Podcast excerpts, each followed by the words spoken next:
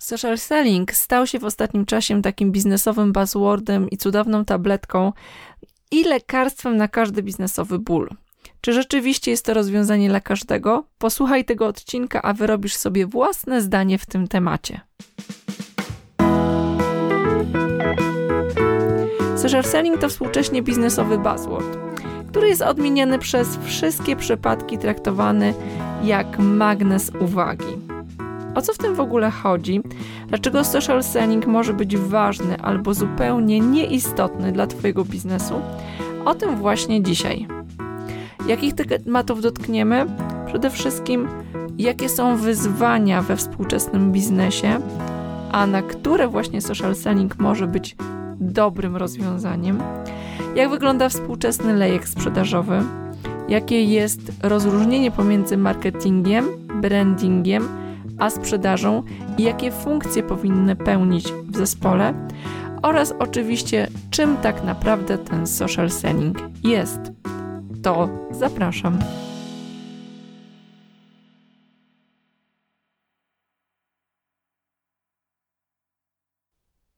Zanim tak totalnie wejdziemy w temat social sellingu, opowiem Ci moją historię.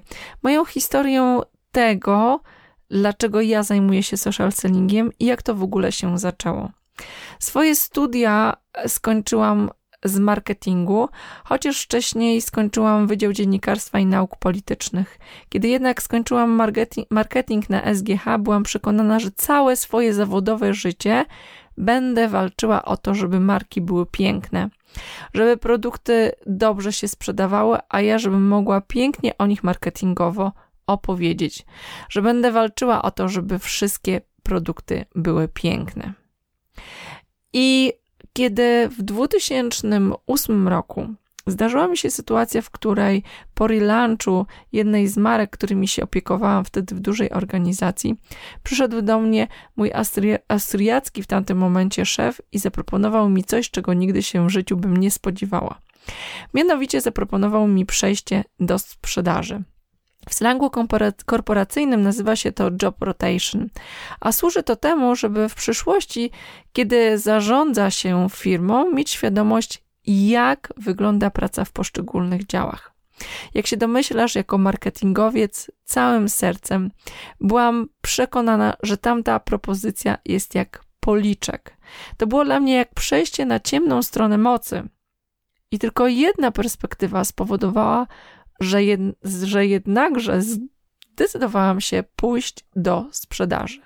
Perspektywa taka, że drogi słuchaczu, jeżeli znasz wszelkie e, animozje pomiędzy działami marketingu i sprzedaży, to wiesz, że w większości przypadków na spotkaniach marketing-sprzedaż ludzie z marketingu słyszą komunikaty w stylu: Ty nie wiesz, co to znaczy target, ty nie wiesz, co to znaczy praca z klientem, ty nie wiesz, co to znaczy praca w polu.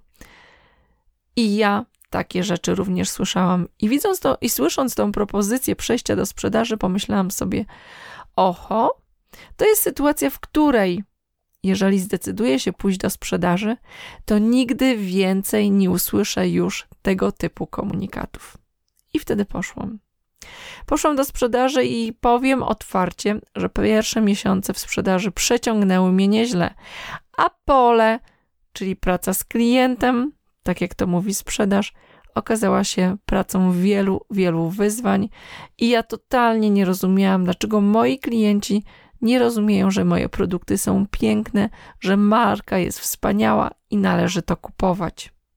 Jednak po jakimś czasie odkryłam, o co tak naprawdę w sprzedaży chodzi.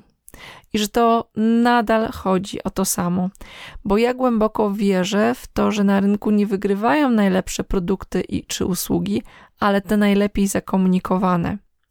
I sprzedaż tak naprawdę polega na najlepszym zakomunikowaniu wartości produktu czy usługi i dostosowaniu go idealnie do klienta. I głuchy śmiech Lochsu polega na tym, że rok później, kiedy miałam już wrócić do marketingu, zdecydowałam, żeby zostać w sprzedaży. I nigdy już do marketingu nie wróciłam. Wiele lat zajmowałam się czymś pośrednim, strategiami sprzedażowo-marketingowymi, a później zajmowałam się zarządzaniu zmianą. Napisałam książkę Psychologia zmiany w życiu i biznesie i moi zmiano, zmianowi klienci, że tak to powiem, zaczęli przychodzić do mnie i mówić: Angelika, świetnie z tą zmianą. To jest ciężki temat i generalnie trudny temat, ale widzimy, jak niesamowite rzeczy robisz w kontekście social sellingu na LinkedInie i zacznij nas tego uczyć. I nie myśląc zupełnie o tym, że, że ten, te tematy zmianowe mogłyby się stać dla mnie nowym biznesem, zaczęłam to robić. I okazało się paradoksalnie, że znowu ta zmiana wprowadziła coś nowego, świeżego i dobrego w moim również życiu biznesowym, ponieważ zaczęłam nadal, bo, ponieważ teraz tym, czym się zajmuję, to nadal jest zmiana. Tyle, że jest to zmiana dokładnie na styku marketing i sprzedaż. I nazywa się to social selling. Social selling jest tak naprawdę odpowiedzią na zmiany, które wydarzyły się w marketingu i sprzedaży, a raczej w sposobie kupowania przez klientów we współczesnym świecie. Czy sposób sprzedaży zmienił się? Zdecydowanie. Czy sposób kupowania przez naszych klientów się zmienił? Oczywiście, że tak. Nie wiem, czy słyszałeś o takim pojęciu jak B2B i B2C z pewnością słyszałeś, ale dla tych, którzy, dla których te hasła może są nowe, wyjaśnię, że B2B oznacza business to business, a B2C oznacza business to customer. I to oznacza, o, o, mówi o dwóch zupełnie różnych stylach e, komunikowania, kupowania i stylach biznesowych, jakie do tej pory mieliśmy. Kiedy ja e, trafiłam do sprzedaży, kiedy ja zaczęłam pracować w sprzedaży, to jeszcze w tamtych czasach obejmo, e, obowiązywała taka sprzedaż, którą ja nazywam Colo Manolo Italiana Bum Bum. Na czym to polegało? Polegało to mniej więcej na tym, że handlowiec, tudzież handlowczyni, w zależności od płci, przyjeżdżała do swojego klienta, tam gdzie on był, czy to było biuro, czy to był sklep, czy jakiekolwiek inne miejsce, to handlowcy przyjeżdżali do klienta i przywozili gadżeciki, ulotki, opowiadali o promocjach, e, dawali sample i różnego typu gadżety. I jak się zachowywał klient? Klient chętnie z takim handlowcem rozmawiał. Dlaczego? Z jednego prostego względu. Klient o nowych produktach, o nowych usługach mógł się dowiedzieć zaledwie z kilku źródeł. Po pierwsze od handlowca, po drugie od y, osoby na targach, na różnego typu zgrupowaniach, networkingach, w stowarzyszeniach. Po trzecie, z prasy branżowej, tudzież z telewizji, jeżeli to był sektor B2C. Więc handlowiec dla klienta był źródłem wartościowej wiedzy, i oczywiście różnego typu próbek, gratisów i promocji. Klient nie miał dostępu wtedy do internetu i handlowcy byli cennym źródłem wiedzy, którzy uświadamiali od klienta o tym, co jest fajnego, co jest nowego i czego on powinien chcieć szukać i co nowego dzieje się w rynku. Na rynku raczej. Wraz z nastaniem internetu klient dostał do ręki nowe źródło informacji o tym, co się dzieje w branży, o produktach, o usługach. I wtedy sprzedawcy przestali być takim cennym źródłem wszelkiego typu informacji. Współcześnie statystyki mówią, że klient styka się pięć razy, średnio pięć razy, z treścią marki, zanim spotka w ogóle się z handlowcem. Dodatkowo 67% klientów podejmuje decyzję zakupową, zanim skontaktuje się ze sprzedawcą. 88% klientów sprawdza firmę online przed podjęciem decyzji o tym, żeby zakupić produkt lub spotkać się ze sprzedawcą. Ta sytuacja, jaka była za czasów sprzed internetu, już prawdopodobnie nigdy się nie powtórzy. Ta sytuacja spowodowała, że rola marketingu jest kluczowa Dlatego, że jeżeli marketing nie wykona swojej pracy, to prawdopodobnie do sprzedaży nigdy nie dojdzie, bo klient nie spotka się z treścią e, w internecie na temat produktu czy usługi, a jak powiedziałam już, pięć razy średnio klient spotyka się z treściami, informacjami o marce, zanim w ogóle spotka się ze sprzedawcą. Ale ktoś by mógł powiedzieć, ale zaraz, zaraz, przecież są jeszcze inne rzeczy, są jeszcze inne metody. Skoro mamy internet, to możemy do klienta dotrzeć poprzez e, cold calling, cold mailing i tego typu e, sposoby. I to nie jest tak, że to klient, to tylko my musimy czekać, aż klient zacznie nas szukać, przecież my możemy go znaleźć. I tak, oczywiście, są tego typu sposoby, ale statystyki pokazują, jak niskie jak niska skuteczność jest tego typu metod. I e, to, co mam z badań robionych przez na przykład business to business community, pokazuje, że 2,5%, zaledwie 2,5% rozmów telefonicznych przekłada się na spotkania ze sprzedawcą. A jeżeli chodzi o cold mailing, to 92% nabywców usuwa maile lub wiadomości głosowe od zupełnie nieznanych osób. I jeżeli miałabym powiedzieć o tych tradycyjnych metodach, to wykazują się one bardzo niską skutecznością. Czy to oznacza, że sytuacja jest totalnie beznadziejna i że teraz to po prostu tylko siąść i płakać? Nie, bynajmniej. Dlatego, że tak jak pokazują statystyki o niskiej skuteczności cold mailingu czy cold callingu, tak pokazują, że do 82% naszych nabywców jesteśmy w stanie dotrzeć poprzez social media. I tak jak próby głos dzwonienia do e, różnego typu decydentów poprzez telefon i przebijanie się przez asystentki wykazują się niską skutecznością, tak docieranie do decydentów poprzez media społecznościowe i odpowiednie rozpoczynanie relacji może okazać się bardzo skuteczne. I tutaj właśnie wchodzi cały na biało nasz social selling. Te statystyki, o których wspomniałam, a które znajdziesz w notatkach do tego odcinka, jasno pokazują, jak kluczowa jest współpraca między marketingiem a sprzedażą.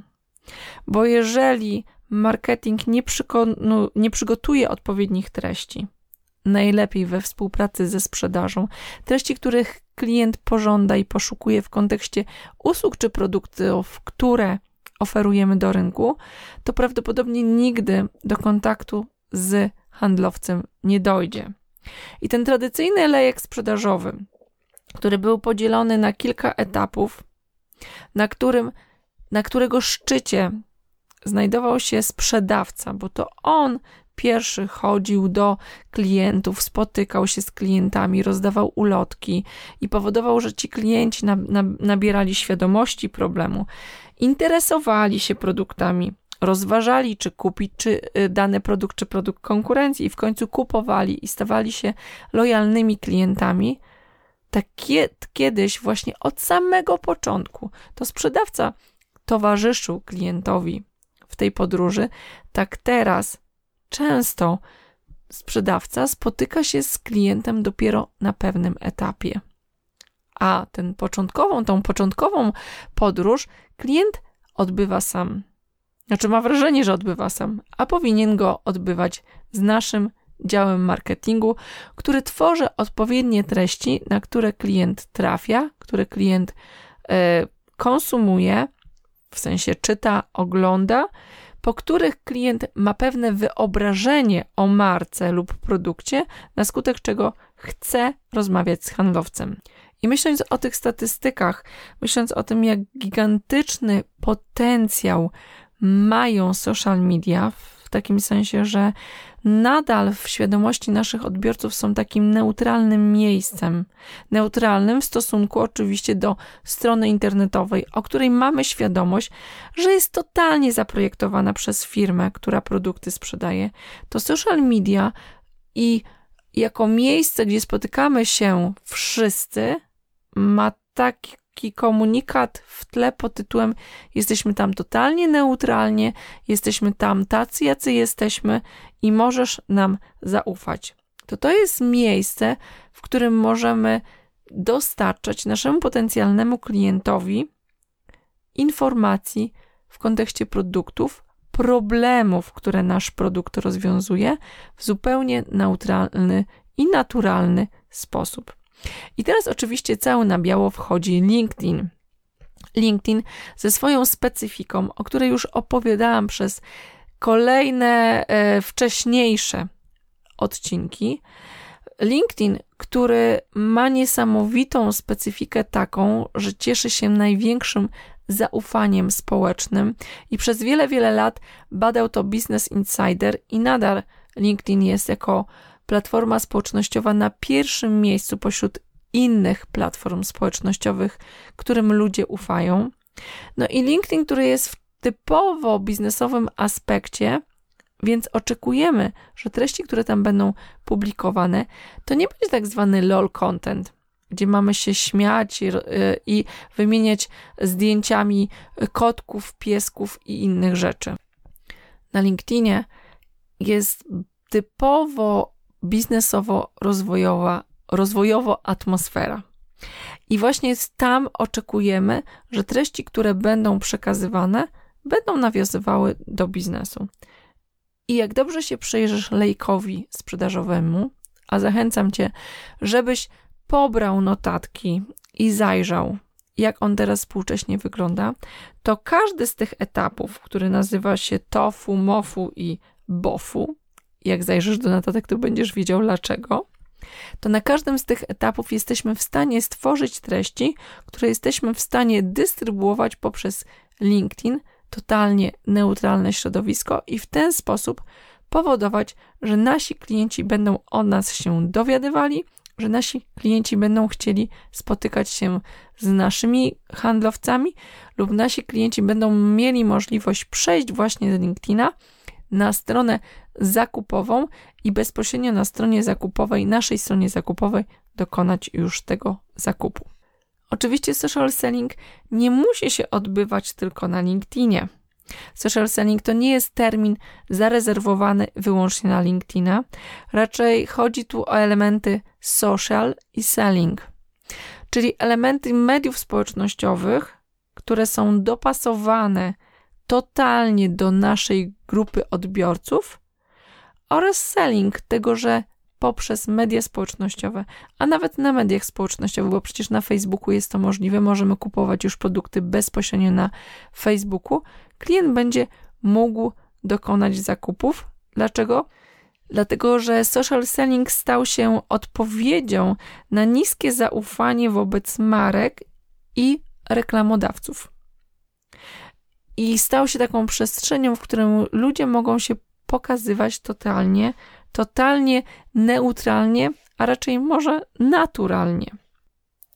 I oczywiście mam świadomość tego, że wielu sprzedawców, albo niedoedukowanych, albo nie daj Bóg robiących to w sposób totalnie świadomy, kala social media, wysyłając do nas w pierwszej wiadomości oferty sprzedażowej albo na Facebooku, robiąc akcję pod tytułem Zaprasza cię ktoś do kontaktu, po czym w kolejnej wiadomości od razu zachęca cię, żebyś polubił jego fanpage, fanpage, jego stronę, o której zupełnie nie masz pojęcia i nie wiesz, dlaczego miałbyś stać się nagle fanem pewnego MLM-u. Dlatego, gdybym miała podać swoją własną definicję social sellingu, to social selling rozumiem jako połączenie działań sprzedażowo-marketingowych realizowanych w mediach społecznościowych. Ich celem jest dać się znaleźć naszemu idealnemu klientowi, czyli wiemy, komu sprzedajemy, a w kolejnych etapach w sposób świadomy angażować, edukować i budować zaufanie w procesie podejmowania decyzji zakupowej przez naszego klienta. I uwaga, social selling nie zastępuje innych dotychczasowych metod zdobywania klientów. To nie jest tak, że teraz przestajemy pisać maile do klientów, przestajemy do nich dzwonić, czy przestajemy ich odwiedzać. Bynajmniej. Raczej social selling stał się uzupełnieniem tradycyjnych metod, a jeszcze bardziej stał się podbiciem tych metod. To znaczy, możemy poprzez tradycyjne metody e, dzwonienia, spotykania się, networkingu e, zdobywać naszych klientów, ale równolegle poprzez działania social sellingowe w mediach społecznościowych budować zaufanie i zaangażowanie naszych odbiorców, co powoduje, że nasze działania stają się efektywniejsze, proces zakupowy skraca się, a my szybciej jesteśmy w stanie budować zaufanie i zaangażowanie naszych odbiorców. Social selling pozwala budować relacje z naszym klientem w neutralnym środowisku mediów społecznościowych. To szansa na zbudowanie relacji, która prawdopodobnie byłaby trudna do nawiązania w taki tradycyjny sposób. Od razu chciałabym podkreślić, że celem social sellingu i celem tego, co ja uczę w kontekście działań social sellingowych, to nie jest tak, żebyśmy my w tym, z tym naszym klientem w tych mediach społecznościowych zostali.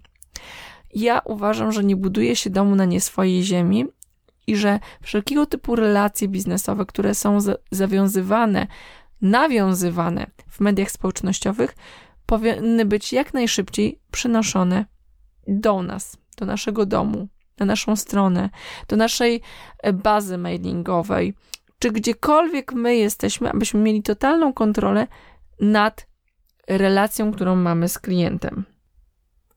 Działania social sellingowe pozwalają zbudować rozpoznawalność, reputację, a przede wszystkim zaufanie wśród naszej grupy docelowej. Więc to oznacza, że musimy z pełną świadomością wiedzieć, do jakiej grupy trafiamy i gdzie ci ludzie są.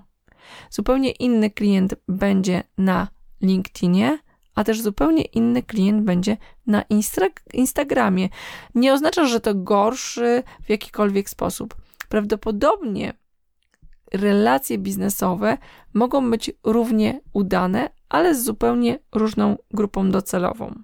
Social selling na LinkedIn idealnie nadaje się do budowania silnej marki eksperckiej. Idealnie nadaje się do budowania silnej marki lidera, gdzie oczywiście odbiorca może być różny. W przypadku pierwszego e, typu odbiorcą może być nasz potencjalny klient. W przypadku drugiego typu, kiedy budujemy silną markę lidera, to odbiorcą może być zarówno nasz pracownik, ludzie z naszej firmy, jak i potencjalny pracownik, kiedy chcemy ściągnąć talenty z rynku. Kiedy myślę o silnej marce, to uważam, że jest ona elementem strategicznych funkcji podejmowanych przez firmę, takich jak marketing, sprzedaż czy branding. Warto określić ich zakres i wspólne przestrzenie, bo zdecydowanie są to trzy elementy, które się przenikają. Aby wiedzieć, gdzie możesz liczyć na wsparcie z innych działów oraz co jest wspólną odpowiedzialnością, szczególnie gdy prowadzisz własną firmę, warto sobie troszkę to uporządkować. Ja rozumiem skuteczny marketing jako strategicznie przygotowaną komunikację, do świadomie wybranej i zdefiniowanej grupy docelowej.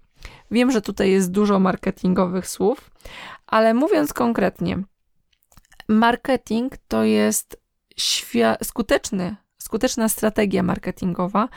Jest to na podstawie celów strategicznych, jakie ma firma, świadomie wybrana grupa odbiorców gdzie kryterium mogą być różne, różne mogą być kryteria. Możemy wybrać tą grupę ze względu na to, że jesteśmy w stanie na przykład dla nich jak najszybciej coś sprzedać, albo że mamy wśród tej grupy najwyższą marżę, albo ta sprzedaż jest najłatwiejsza, najmniej kosztowna. Kryteria mogą być różnie, różne, natomiast skuteczny marketing jest to element komunikacji do konkretnie wybranej grupy docelowej. I tak, jeżeli mamy wiele grup docelowych, to oznacza segmentację klientów i to oznacza, że do każdej z tych grup przygotowujemy oddzielną komunikację marketingową. Marketing powinien zwiększać świadomość, e, budować pozycję firmy oraz wiedzę o marce, a także ułatwiać rozróżnienie naszej firmy spośród innych podobnych firm na rynku. Czym w tej układance jest sprzedaż? Dla mnie sprzedaż to jest sztuka przekonania klienta, często bardzo świadomego i wy, wyedukowanego w internecie, często mającego przekonanie, że jest orientowany w opcjach, i sprzedaż to jest sztuka przekonania do wyboru właśnie naszego rozwiązania. Sprzedaż w większym stopniu niż marketing bazuje na komunikacji dwukierunkowej, gdzie kluczowy jest dialog z klientem, gdzie kluczowa jest relacja, gdzie kluczowe jest zaufanie. Dlatego w, w sprzedaży, we współczesnej sprzedaży, kluczowymi elementami są ekspertyza, ale raczej, a raczej eksperckość naszego sprzedawcy oraz umiejętność nawiązywania relacji i dawania wartości która nie jest powiązana z nachalnym przedstawianiem oferty. I trzeci klocek, o którym chciałam, a raczej puzzle, o którym chciałam w tym momencie jeszcze powiedzieć, to jest branding. Branding e, jest związany z wizerunkiem, jaki uruchamia marka w świadomości swojego odbiorcy. I o ile nad marketingiem i sprzedażą mamy bardzo dużą kontrolę, tak nie do końca mamy kontrolę nad wizerun wizerunkiem, jakim my uruchamiamy w naszym odbiorcy, ponieważ wizerunek jest czymś, co się pojawia w jego głowie. My oczywiście w sposób świadomy konstruujemy komunikaty, ale nie do końca mamy wpływ na to, w jaki sposób te komunikaty zostaną odebrane. W brandingu istotnym elementem jest tożsamość marki. Wskutek brandingu uruchamiamy w odbiorcy zestaw emocji, uczuć i obrazów. I z tego prostego przedstawienia definicji już widzicie, że branding jest elementem, który może występować zarówno w marketingu, jak i w sprzedaży bo branding jest koncepcją odnoszącą się do firm oraz ludzi. Oznacza również, że mamy możliwość korzystania z dobrodziejstw brandingu, niezależnie od tego, czy działamy w marketingu, sprzedaży czy HR. Dlatego mówi się chociażby o employer brandingu. Zdecydowałam się powiedzieć o tych trzech aspektach marketingowo, sprzedażowo, brandingowych w kontekście social sellingu, dlatego że mając świadomość i umiejąc rozróżnić te trzy elementy, wiesz już, że nie zawsze potrzebujemy brandingu i social sellingu do sprzedaży różnego typu produktów. Jeżeli sprzedajesz bardzo prosty produkt, który tak naprawdę z pośród innych produktów różni się jedynie ceną, chociaż powiem szczerze, jest to rzadka sytuacja, to zabawa w e, social selling trochę nie ma sensu. Należałoby trochę zacząć od brandingu, czyli zacząć budować świadomość marki, zacząć e, budować unikalność tej, tej marki, po to, żeby później na tej, na tej bazie zacząć komunikować w social sellingu unikalność Twojego produktu, który prawdopodobnie z czasem i tak staje się pewną formą usługi. Reasumując, już wiesz, czym jest social selling, wiesz, z czym się wiąże, dlaczego social selling stał się ważnym elementem, nie jedynym, nie kasującym inne sposoby dotarcia do klientów czy e, do naszych dostawców, do naszych potencjalnych odbiorców, ale dodatkowym kanałem komunikacji, nie zastępującym te dotychczasowe. I oczywiście social selling wiąże się z pewnymi kosztami, głównie czasowymi, kosztami związanymi z treściami. Tak jak nie ma za darmo mailingu, i cold callingu, tak nie ma za darmo social sellingu. Więc nie daj sobie wmówić, że to jest taki, taki łatwy i przyjemny proces. Nie jest. Dużo o tym też będę mówiła, jak wygląda w praktyce. Natomiast ten współczesny klient, to jak zmieniła się sprzedaż, jak zmienił się lejek sprzedażowy, powoduje, że social selling jest naprawdę dobrą alternatywą do tych tradycyjnych metod i warto się nim zainteresować.